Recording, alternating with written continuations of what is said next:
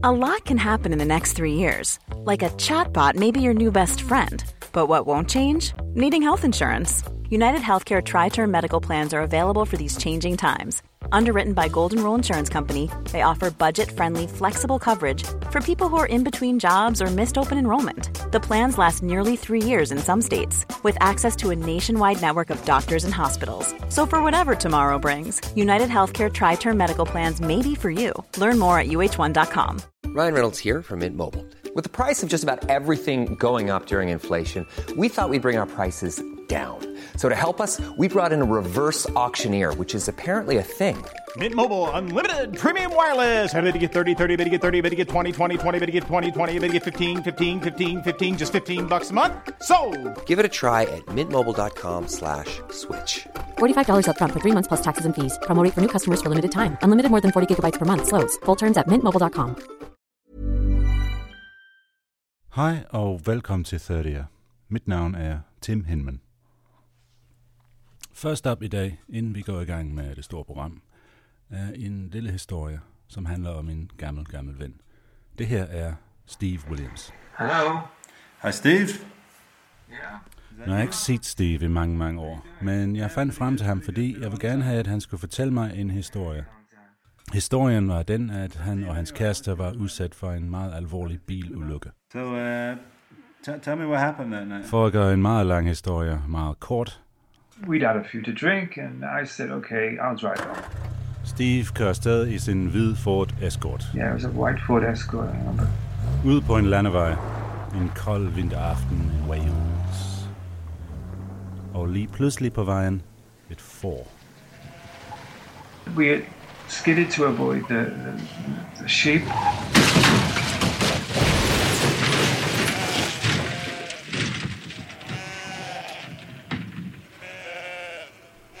Men Steves kæreste, hun hed Maggie, hun var helt uskadt. Men Steve slog sit hoved, og det var ret alvorligt. And, and I didn't know where I was for, for, I think I was away for eight days, I think in a coma. Jeg kan huske, jeg besøgte ham på intensiv afdeling. Yeah, I was somewhere else. I don't know where I was. Steve lå i en koma og var temmelig fucked. I knew I was out there somewhere, um, outside the planet. Der var ingen af os, der vidste, om Steve nogensinde ville komme sig. Men kæresten Maggie, hun fik en idé. Well, she, she had this idea. She used to come into the hospital every day and stick these headphones on me and just play this song over and over again. Hver gang man kom på besøg, så var Maggie der i forvejen. Og Maggie vendte kassettebånd igen og igen og igen. Then you sort of hear this music, right? Yeah, well, it's actually strange that you asked that because it, it didn't actually come through like it normally does. You know, when you, you, you, you, you listen to a song and then you hear it through your ears. I was getting it through some sort of pitches. I was getting it as pitches.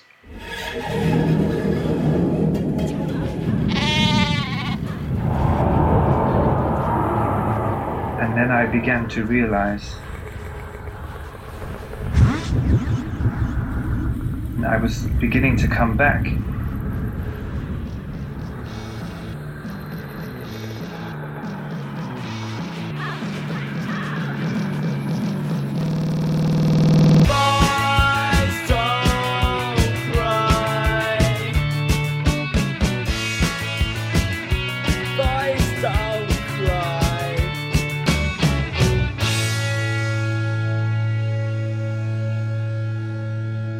When I actually did wake up, uh, she wasn't there. And uh, the first sound I heard was the vacuum cleaner going. No, not the vacuum cleaner. What they call it? That machine that that that, uh, that they do they have in hospitals that polishes the floor. And I actually thought I was listening to The Cure, but then it slowly turned into that whooshing noise. So I woke up and, and, and nobody was there, just um, just this cleaner being the floor with this washing machine.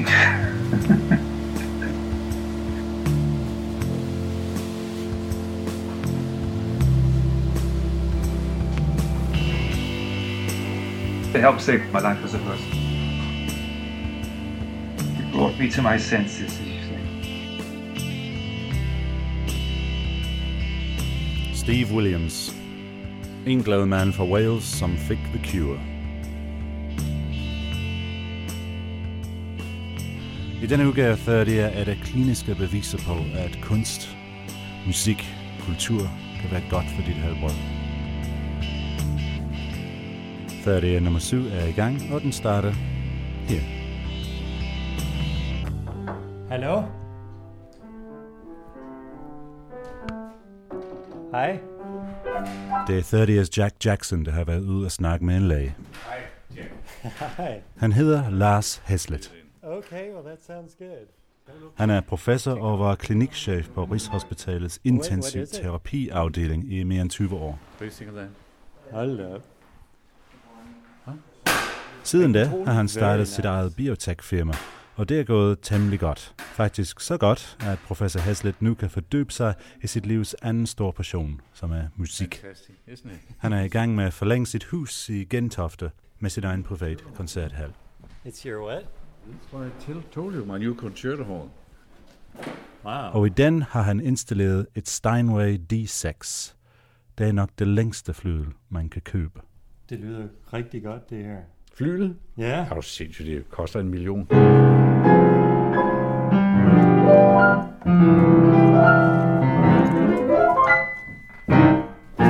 Se, jeg er jo fandme ikke pianist, og det skal jeg jo heller ikke øh, læse ud som. Jeg er jo øh, glad amatør. Det kan godt være, at professor Haslet kan beskrive sig selv som amatørpianist. Men når det kommer til hans viden om, hvordan musik kan være med til at helbrede, så er han nok Danmarks ekspert nummer et. Ja, man helbreder det ved at lægge mere lyd på. Det lyder paradoxalt, ikke? Hvis man hører de der lyde, bip, bip, bip, og så bliver der suget sådan, psst, psst, og respiratoren går, og så hører man så den her sang fra morgenstunden, fra de tidlige tider, hvor man var glad i sin barndom.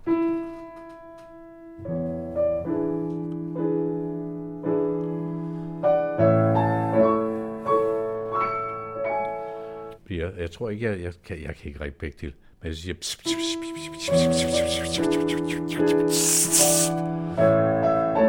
Og nu distraherede jeg mig selv, men øh, hjernen har den fantastiske egenskab, den kan fokusere på det meningsfyldte og filtrerer det meningsløse væk. Og selvom vi lægger mere lyd på, så bliver det afstressende. Og det er en fantastisk egenskab, mennesket har. Vi kan lukke øjnene, men vi kan sgu ikke lukke ørerne, og det er den sidste sans, vi kan påvirke. Men tænk, tænk engang, man som ligger der sanseløs. Hvis man er sanseløs, så er man jo død. Og det er det, man siger sig selv. Jeg kan intet høre, jeg kan intet mærke. Jeg er død. Hvor pokker ved den syge fra, om jeg er levende eller død? Det ved den, fordi den hører det her.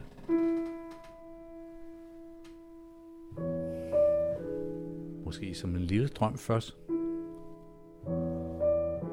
Helt tonløst.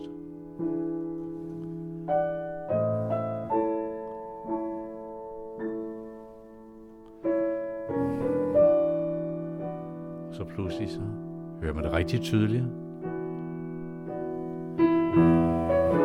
Og fuld kraft, og så Når jeg lige tænker tilbage til historien om en gammel ven Steve, som lå i koma med høretelefoner på og fik en popsang spillet for sig igen og igen og igen. Jeg tænker, hvad var der egentlig i musikken, der fik ham til at vågne op? Var det teksten, melodien, eller måske rytmen? Vi fødes med en langsom rytme. For den første rytme, vi nogensinde hørte, det var vores mors hjertelyd.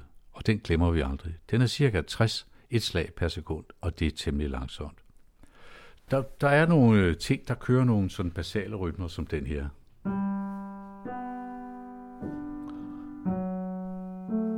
Sådan rigtig hyggelige ting, ikke? Rene harmonier, men lidt kedelige. ikke? At man ligger og keder sig, man hører på sådan noget. Men det tager vi bare for givet. Vi hører ikke de der rytmer normalt. Vi lægger ikke mærke til vores åndedræt. Vi lægger ikke mærke til vores puls. Men hvis vi spiller noget oven i den puls, så begynder der klaveret, han har sagt på hos patienten, at spille sådan her.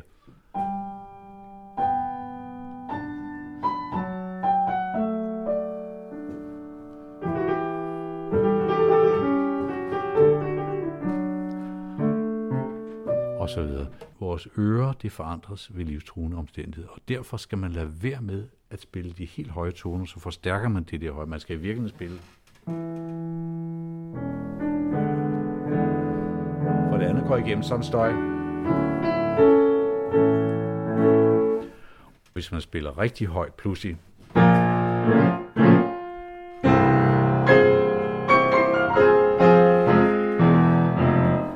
Se, det kan vi dæmpe vores ører. Vi har sådan en lille mekanisme inde i øret, som strammer øh, trommehinden, så, så vi kan skrue lidt ned for lyden her nær Men den syge har ikke den funktion. Det slår direkte igennem som støj.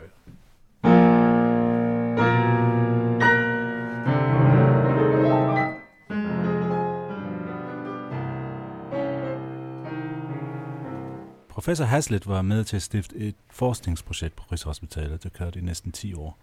Projektet hedder Musica Humana. Projektets mål var at skabe med videnskabelig dokumentation specielt designet musik til behandling. Og projektet rettede sig imod alvorlig syg hospitalsindlagt patienter.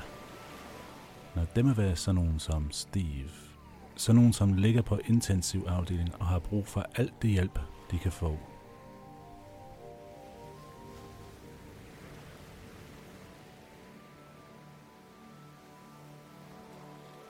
Jeg tænker på nu, kan du, mens den spiller, kan du lige udpege nogle elementer? Hvad ja. er det i det her, som, som er så godt? Hør. Hør havet. Musikken, som du kan spille i baggrunden her, er akkompagneret af Nils Arje. Det er resultatet af det 10 år lange forskningsprojekt på Rigshospitalet. Komposition og medicinsk forskning i et. Vi hører tydeligt i baggrunden havets bølger. Dels har havet sin rytme, en langsom rytme, som er endnu langsommere det, vi taler om. Men når vi hører havet, så er vi alle sammen minder om havet. Vi har følelser, der, der mobiliseres af det der. Det vil sige, at vi aktiverer vores følelseshjerne, og det er rigtig, rigtig fint. Den skal man sgu ikke lægge i gips. Tværtimod, den skal aktiveres, og vi glemmer vores følelser. Vi bliver, vi bliver, vi bliver berørt, så at sige. Vi bliver rørt, eller sagt på en anden måde, berørt.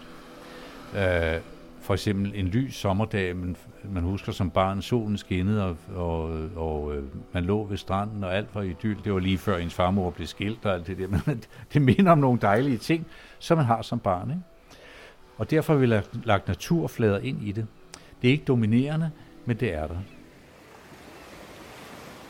Ja, det er godt nok ikke verdens mest spændende musik, vi har her. Men i kliniske forsøg i Skandinavien og USA på tusindvis af patienter, er det blevet bevist, at det her musik hjælper, ligesom medicin hjælper. Det er medicinsk musik. Nu må sige, det, det, det limbiske systems musik. Det limbiske system er det system i hjernen, som er mellemlaget imellem urhjernen og den bevidste del. Og vi er så dygtige i vores civilisation, så vi helt undertrykker det limbiske systems vigtigheder. Vi har testet en række patienter, de siger præcis, ja, vi, vi føler os rørt af det. Tænk på, at vores hjerne har et, et, et system, som er urhjernen, krokodilhjernen. Der er ingen hæmninger. Alt er fremmende. Lige snart vi hører en lyd, så vender vi os om efter den. Der er ingen eftersang om, at det er ingen lyd, jeg skal lægge mærke til, så den glemmer jeg lige. Den nye hjerne, neokortex, den nye hjernebark, der sidder alle de hemmelige impulser. For hvis der er en, der prikker os på skulderen, så vender vi os ikke om og stikker ham ind på skrinet vi tænker sig om, det er sikkert en, der bare vil spørge os om vej, for eksempel. Ikke? Men hvis det var krokodilhjernen, så vil man bide hånden af ham lige på stedet. Og det er derfor, vi er, som vi er. Men vi skal ned i underbevidstheden og fange de der ting, og få underbevidstheden til at falde til ro. Vi skal ikke konverteres til en krokodille igen, og det er, hvad musikken gør. Det musik, min ven Steve fik i ørerne, dengang han lå i koma, den var temmelig højt og rytmisk. Det var temmelig krokodillehjerne-agtigt, følge professor Heslet. Den slags musik burde ikke kunne hjælpe. Men hvad, hvad sker der, hvis man spiller andre slags musik, for eksempel? Vi, vi har prøvet at spille... I starten, der sparede vi lidt på de kompositoriske kræfter. Det tog masser af tid for Niels at, at komponere sådan en CD. Så fortyndede vi lidt med lidt Mozart, symfonier og lidt Beethoven, og så kom Paukon jo. Og så kunne vi se pulsen steg.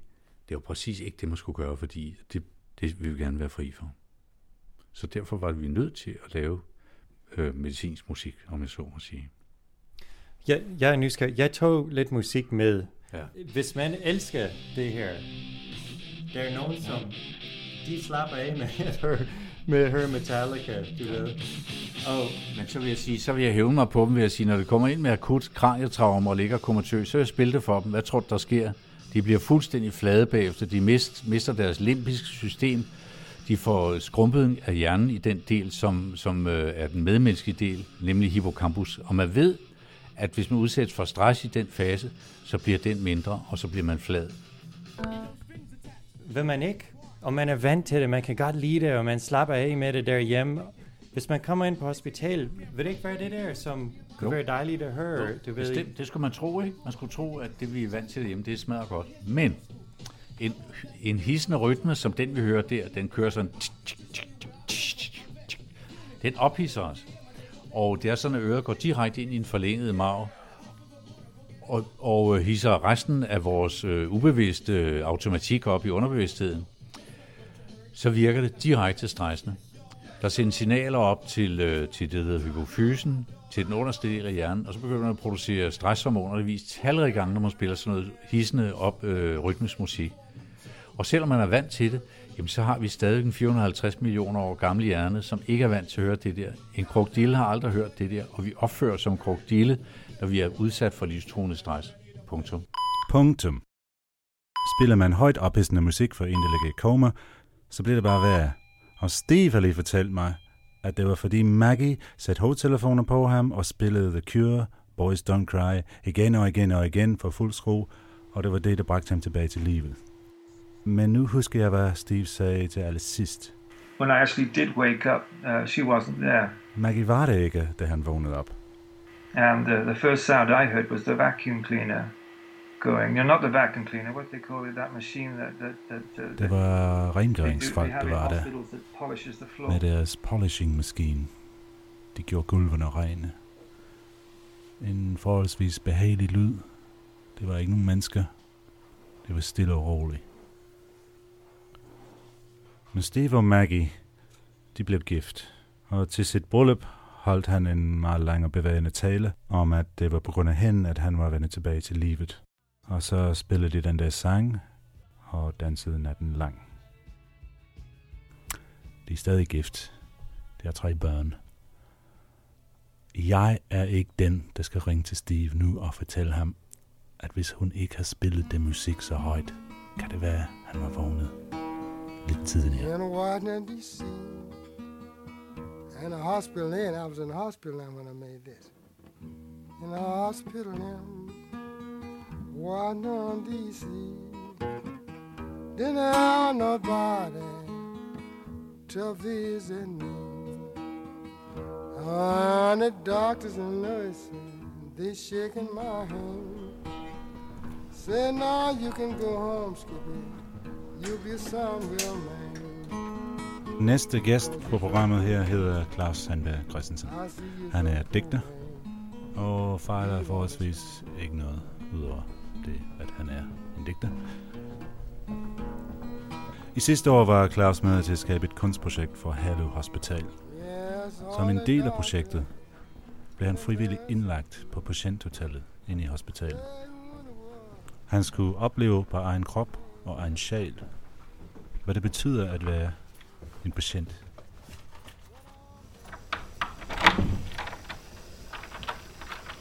Altså, ideen var at lave den her form for audiodagbog.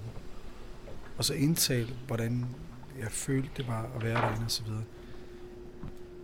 Klokken er lidt i halv ni mandag aften. Øh, ja, Mit største problem var derinde, var jo egentlig, at jeg ikke havde nogen sygdom. det her projekt, det bliver ikke så nemt, som jeg troede, det ville blive. Det er så pisse typisk mig. Jeg tror bare, jeg kan gå ind og så bare gøre det. Uden nogen metode.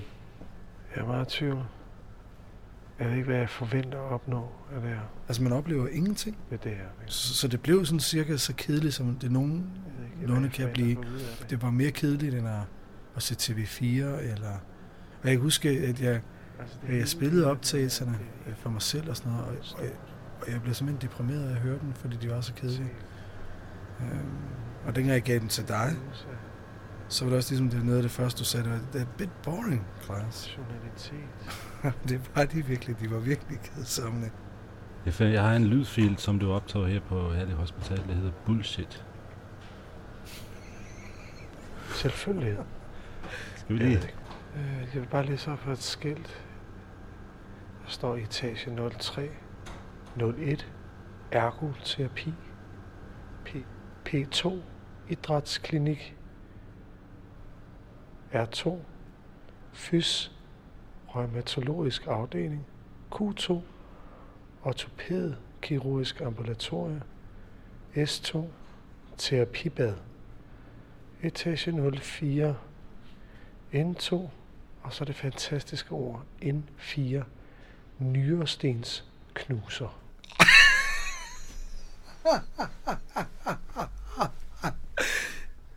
Altså, at, at, men det er det, jeg mener, så langt kan man komme ned i sin... Altså, at, at man kommer så langt ned i et drive, og man synker så langt ned i sig selv på en eller anden underlig måde, ikke?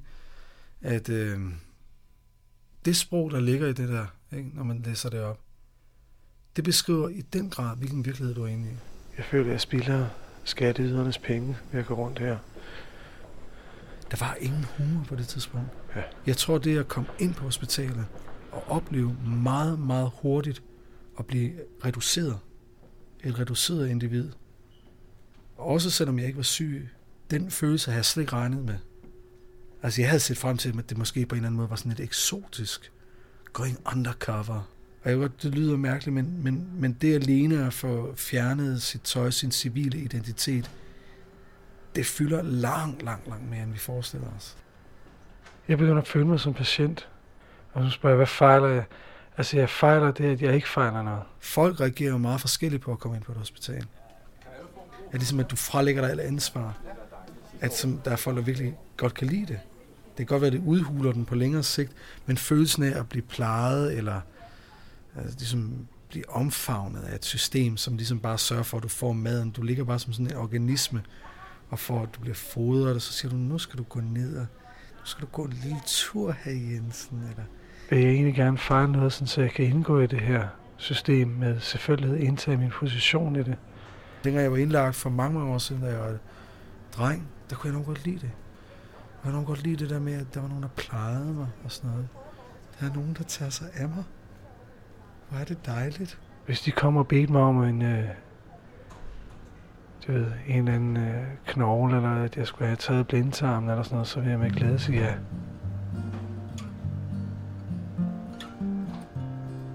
Jeg var en spion, og spionens rolle er bare lige meget, hvordan du vender det og drejer det. Så det er enormt problematisk. Problematisk var det, men ikke helt umuligt. Projektet havde en pointe. Det var meningen, at Klaus skulle skabe et værk, som skulle få patienterne på Herlev Hospitalet ud af sengen. Undersøgelser påviser, at jo hurtigere du kommer ud af sengen, og jo hurtigere du kommer ud, jo hurtigere bliver du helbredt. Det Klaus skulle udføre på Herlev Hospitalet var en audiowalk. En audiowalk, som skulle få patienterne ud af sengene og gå rundt i gangene. Og når man går rundt i gangene på Herlev Hospitalet, så er der en ting, man ikke kan lade være at lægge mærke til. Der er ligesom sådan, de her gange ligner alle sammen hinanden. Det er kun farverne, der angiver, det forskellige steder. Hele Herlev Hospitalet er i sig selv et stort, enstående kunstværk, der består af en masse meget stærke farver. Det er lavet af kunstneren Paul Gernes. Hvad synes du om de her farver? Jeg synes meget godt om farverne her, der kører rundt i kælderen og alle vegne. Når man kører rundt dernede og skal til røntgen og hvad det hedder alle sammen, ikke? Det synes jeg er dejligt. Jeg tror, at min far betragtede Herlev som et hovedværk. Jeg tror, det var noget, han var meget stolt af. Stemmen her er Ulrike Gernes. Hun er også digter og er datter til Paul Gernes. Jeg tror, han faktisk ville tale ind i mennesket. Ind i det sted i mennesket, hvor alle mennesker er ens på en måde, ikke? og hvor alle kan tage imod det, han giver. Kunsten måtte ikke være elitær, og man skulle ikke have en uddannelse for at kunne få udbytte af hans kunst. Den skulle være øh, let tilgængelig og almen, uden at blive øh, dum. Så den der rosa og røde, violer og blå, jordbær søde, du lige så. Så kan man da godt tænke lidt på dem derhjemme og sige, Nå ja, forresten. dem skal man hjem til lige om lidt. Øh, dengang jeg skulle føde mit barn, øh, der var min far jo desværre død nogle år forinden. Og så var der frit sygehusvalg. Og så tænkte jeg, jamen så kunne jeg da lige så godt føde på Herlev. Det ville jeg da rigtig gerne, fordi så var det ligesom om, at min far var lidt med. Jeg havde så gået og tænkt på for inden, at det ville jo være skønt, hvis nu jeg kunne få lov at opleve et af de der sydvendte, varme, røde, gyldne rum. I rigtig ligge der og meske sig i de smukke, røde, varme, lækre farver. Men det blev det så ikke til, fordi at jeg kom til at ligge i et mørkeblåt, nordvendt rum. Men det var helt utroligt. Der tidlig, tidlig om morgenen, når daggryet lige begyndte, at så ligge og se den blå farve blive mere og mere blå, indtil den til sidst var så blå som blot jeg aldrig havde set før. At den blå trådte ud og blev blå.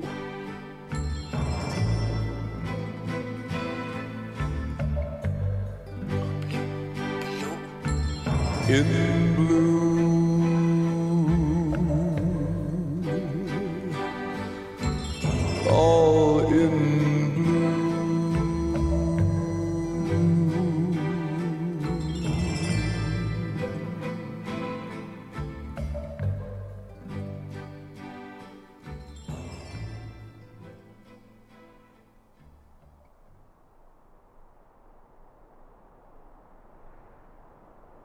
Nu skal vi en tur til Aarhus og møde Hanna Stubbe Teilberg. Jeg hedder Hanne Stubbe Teilberg. Jeg er overlæge, psykoterapeutisk overlæge her på Rigskov, hvor vi befinder os i øjeblikket. Hannes research på Rigsgaard Hospitalet har bevist, at kunstterapi har en meget stor effekt på mennesker med skizofreni og svære personlighedsforstyrrelser. Vi har fået en privat omvisning i hans lille galleri. Billedet er holdt i øh, rødt og hvidt og sort øh, i en cirkelform, som går rundt, men som på en uro. Problemer med selverfaring er det centrale i skizofrenisygdom. Og derudover er der malet en fed rød trekant, som fylder det meste af billedfladen. Som sådan en advarselstrekant, der står lige op i næsen på en. Og så er der... Hvis man har vanskeligt ved at være sig selv, så er det også øh, vanskeligt at man kan sige finde ud af, hvor man selv begynder og den anden slutter. Øh, og det har hun lavet på et tidspunkt, hvor hun øh, havde det ganske svært, og hun var blevet meget psykotisk. Og, og, det, og samtidig kan de skizofrene have svært ved at vide, om de selv ejer deres egne tanker. Altså selve ejerskabet til, til tanker og følelser bliver uklart, fordi selverfaringen er så svækket. Og det vil sige, at, at, at de pludselig kan opleve, at deres tanker ikke er deres egne, og hvor kommer de så fra? Fordi hvis ikke tankerne er mine, så må de jo komme et andet sted fra. Du kan se, det her billede, det er et billede, hun lavede til slut, hvor hun ligesom havde en fornemmelse af noget af det der psykotiske, mm, øh, øh, vanskelige noget, som hun havde i sit sind, at det blev revet af resten af billedet, der ligesom har en mere positiv. Og man kan sige, at også sansningerne kan jo nogle gange blive afkoblet en selvfølelse, sådan at man mærker ting, som ikke er mig. Altså jeg flytter min arm, men i virkeligheden er det ikke mig, der flytter min arm. Du flytter min arm. Hvorfor flytter du min arm? Ikke? Så kommer man ind i, i nogle vanskeligheder med at afgrænse til omgivelserne. Og det vækker meget angst, som yderligere kan, man kan sige, slå selv. Vi taler ikke om billedet, som om det repræsenterer noget psykologisk. Men man taler om bjergene, eller den blå himmel, eller øh, de skyer, der kommer derude i det fjerne. Altså hele den der øh, narrativitet og æstetik, det er den, der ligesom bliver i tale sat. Og igennem det, den sproglighed, der er der, der åbnes også for nogle metaforer, som patienten på en eller anden måde kan spejle sit eget mentale liv i. Det, der især gik igen, det var, øh, øh, at de alle sammen nævnte, at de følte sig stærkere i sig selv, eller de kendte sig selv bedre, at de følte, at de var skizofrene. De havde fået bedre selvtillid, eller de, de vidste lidt mere om, hvem de selv var, og derfor kunne de bedre være sammen med andre. Vi har gået med en øh, kvinde, som havde en, det man kalder en borderline personlighedsforstyrrelse. Hun sagde selv om billederne, at øh, altså specielt om det her billede, som blev meget vigtigt for hende, det er et meget stort billede, øh, Hun sagde om det, at, øh, at hun kunne genkende noget. Hun havde en fornemmelse af, at der var noget... Den type udtalelse fik jeg i mange forskellige udgaver. Den ting, som der drejer sig omkring selverfaringen, som man kan sige, blev et omdrejningspunkt for mig også i min analyse. Det er, man får en fornemmelse af en, en flok ulve, der står og kigger ind her øh, i et eller andet. Øh, og de dukkede bare op, de der ulve der. Til hendes egen overraskelse dukkede der sådan en ulve op, og så en ørn, der ligger heroppe. Men hvad er det, de ulve kigger på? Og er det noget, de er bange for? Er de ved at trække sig væk fra noget, eller er de nysgerrige? Og så har hun kaldt billedet, måske ørnen kan fortælle mig, hvad der er derinde.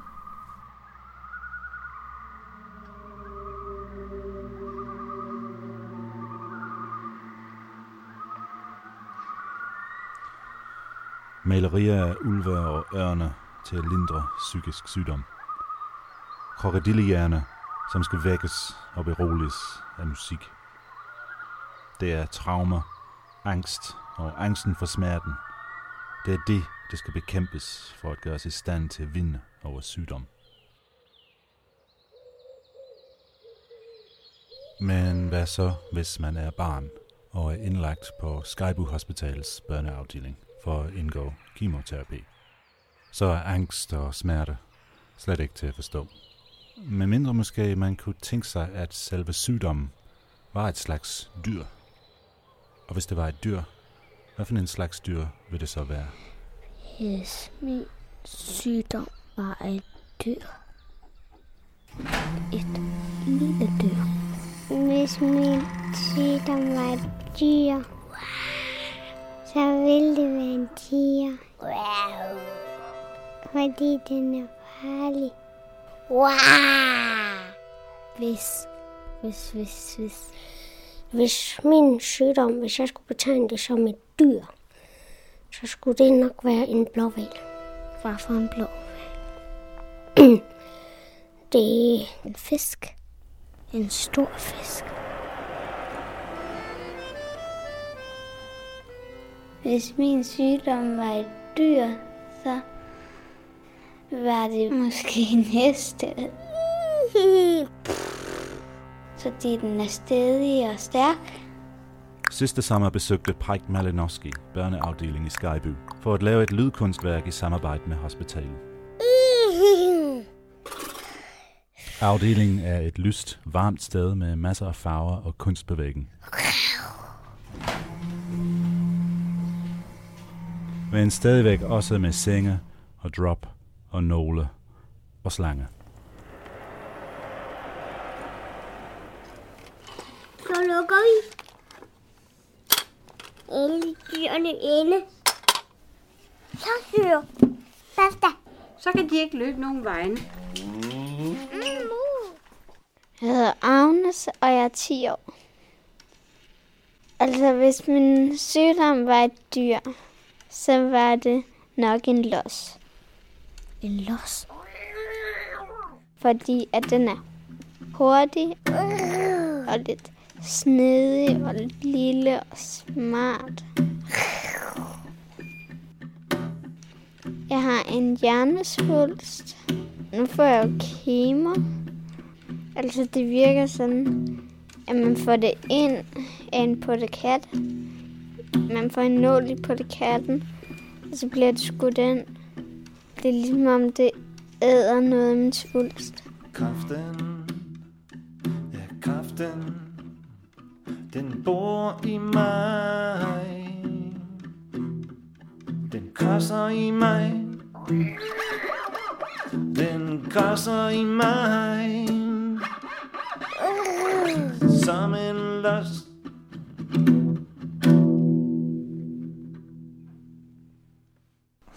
Jeg hedder Ilan Sandfi, og jeg er uddannet musikterapeut fra Aalborg Universitet og laver en phd afhandling deroppe nu. Den undersøgelse, jeg skal lave her på afsnit A8, den øh, går ud på at undersøge effekten af musikterapi under anlægning af venflon. Og øh, den procedure med anlægning af venflon, den indebærer øh, et stik med nål, og øh, er forbundet af børnene med, med smerte og angst og, og tabekontrol, fordi de øh, skal jo gennemgå den her procedure, og den er ubehagelig. Det kan være alt fra, fra 10 minutter til en time. Og nogle gange så et stik så forsøger det nok. Og nogle gange så skal der stikkes to-tre gange. Det handler meget om, at de får lov til at træffe nogle valg. Fordi i den der situation, hvor de skal ind og gennemføre proceduren, der har de ikke nogen valg. De skal bare have det gjort. Så øh, det jeg så som musikterapeut kan gøre, det er sådan på en symbolsk niveau, kan tilbyde nogle valg. Det kunne være, de får lov at vælge nogle sange, eller de, vi laver en spontan improviseret sang, hvor vi selv finder på teksten, hvor de så bestemmer, hvad der skal ske. Det kunne være, at sangen den skulle handle om, at de ville hellere være et andet sted. Og det flytter fokus fra barnet og proceduren, forhåbentlig. Det, det er et af målene i hvert fald. Og et andet, det er så gennem musikken spejle barnets øh, følelser. At, at der er en, der, der taler barnets sag. De, de små børn, de, de ved jo ikke, hvorfor at mor og far ser på, mens lærerne får lov til at stikke. Ja, det er min blå lille børnegitar. Købt i bazaren i Istanbul.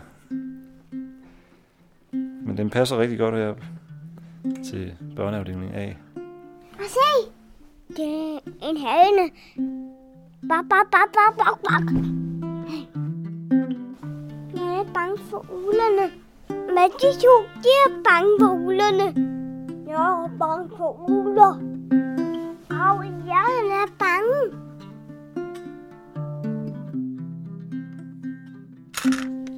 Åh oh, nej, åh oh, nej, åh oh, nej.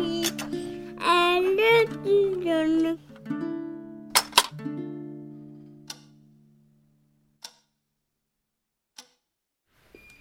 Jeg hedder Malene. Jeg er mor til Agnes. Tid bliver noget mærkeligt noget, når man er på hospitalet. Hvor man forsvinder ind i sådan en tidslomme. Og så, så ved man ikke, øh, hvad dag det er, eller hvad klokken er. Alting handler om, hvornår den næste medicin skal gives, og hvornår den næste behandling skal starte. Det er alt sammen bundet op på behandling.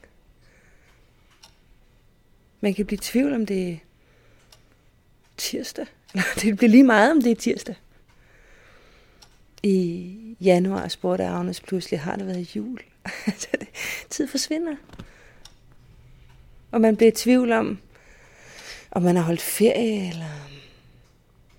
Det forsvinder bare. Det bliver lige meget.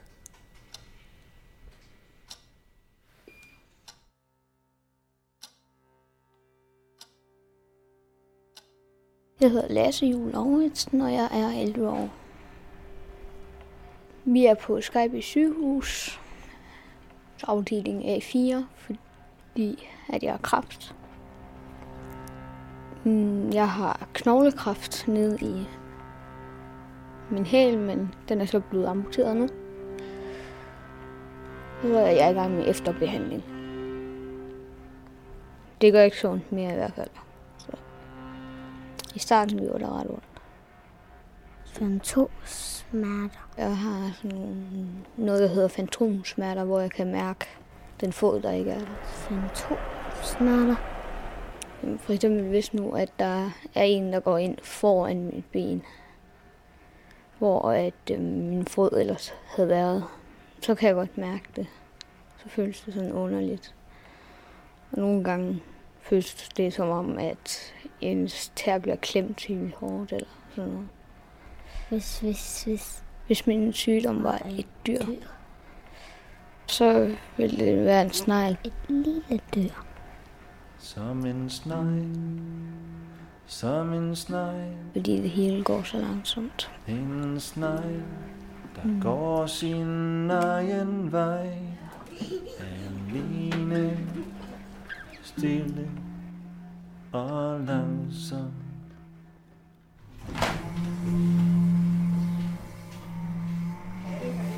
Så vi den. Ja, nu er vi. Nej. Åh oh, nej, babyen græder. Åh, oh, græder hun nu igen? Og på med. Selvom vi oplever nogle gange, at der er børn, der dør, så er det også meget livgivende at være her. Fordi uh, at på en måde, så bliver man meget vågen af at være her også. Ikke? Man bliver meget vågen i livet, og de små ting og nuet. Det er de fleste, der overlever og får et godt liv bagefter, men der er nogen, der ikke overlever. Så det de øjeblikke, man kan få med nogle af de børn. Øh, ja, det er guld værd. Jeg hedder Tobias, og jeg er syv år. Tobias. Øh, jeg bor i Aalborg, og fordi jeg kom herned, fordi jeg havde kraftknude, ikke? Og har kraft. Jeg skal ligge her.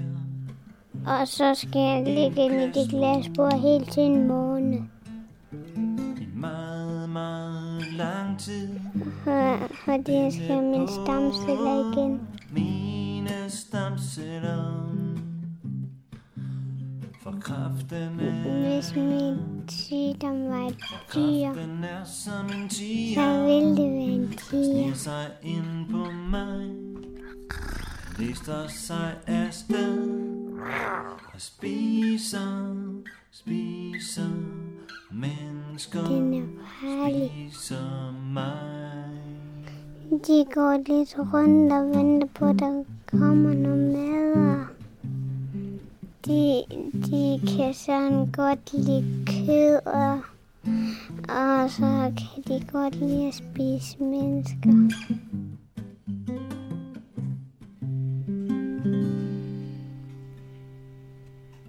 Jeg lærer. Jeg lærer... Mm, jeg lærer at se mit barn. Ja, jeg lærer, at man skal holde fast i livet, mens man er i det her, ikke? Det synes jeg er vigtigt. At livet er jo... Det er jo også livet at være her. Det er jo livet. Sorg og glæde, de vandrer til håbe. Lykke, ulykke, følges og ad, tror jeg det er. Man kan ikke få det ene uden også at have det andet. Man kan ikke elske uden også at blive lykkelig. Uh, uh, uh. Uh, uh, uh. Midt om natten. Midt om natten, ja. Jeg er 14. Uh, uh, uh. Midt om natten igen. Og jeg er lidt bange for den. Fordi det er mus. Ved der står, underlig ule vågner midt om natten, kigger efter månen, der er blevet væk, pusser sine briller, stiger vredt på katten, skriver sjove digte med usynlig blæk. Det er en ule. Ja. Uh, uh, uh, uh. En ule. Miau, miau, miau. Ule. Den spiser en lille bitte hjerte. Spiser det et lille hjerte? Hjerte. Om natten. Nå. Og solen. Spiser den også solen? Ja.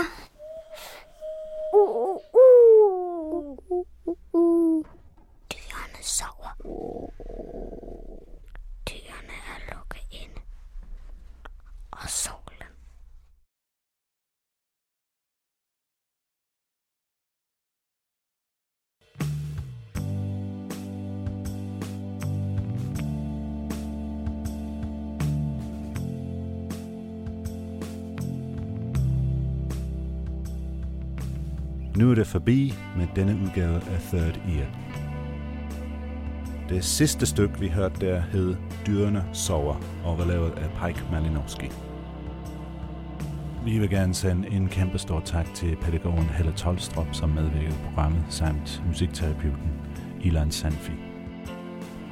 Vi siger tak til lægerne og sygeplejerskerne på børneafdelingen i Skyby Hospitalet. Og selvfølgelig også tak til forældrene og alle børnene. Vi siger tak til professor Lars Haslet og overlæge Hanna Støbe Talberg. Interviewet med Ulrike Gernes var et uddrag af Claus Hanberg Christensens audiowalk Herlev i farver, som stadigvæk kan høres og opleves på Herlev Hospital, som vi også takker. Andre indslag i programmet var produceret af Jack Jackson og Rasmus Bjerg. Webting og billeder var lavet af Miriam Nielsen og Kasper Rasmussen med hjælp fra Frederik Rothaus. Mit navn er Tim Hinman, og hvis du kunne lide, hvad du har hørt, så husk endelig at sende det videre.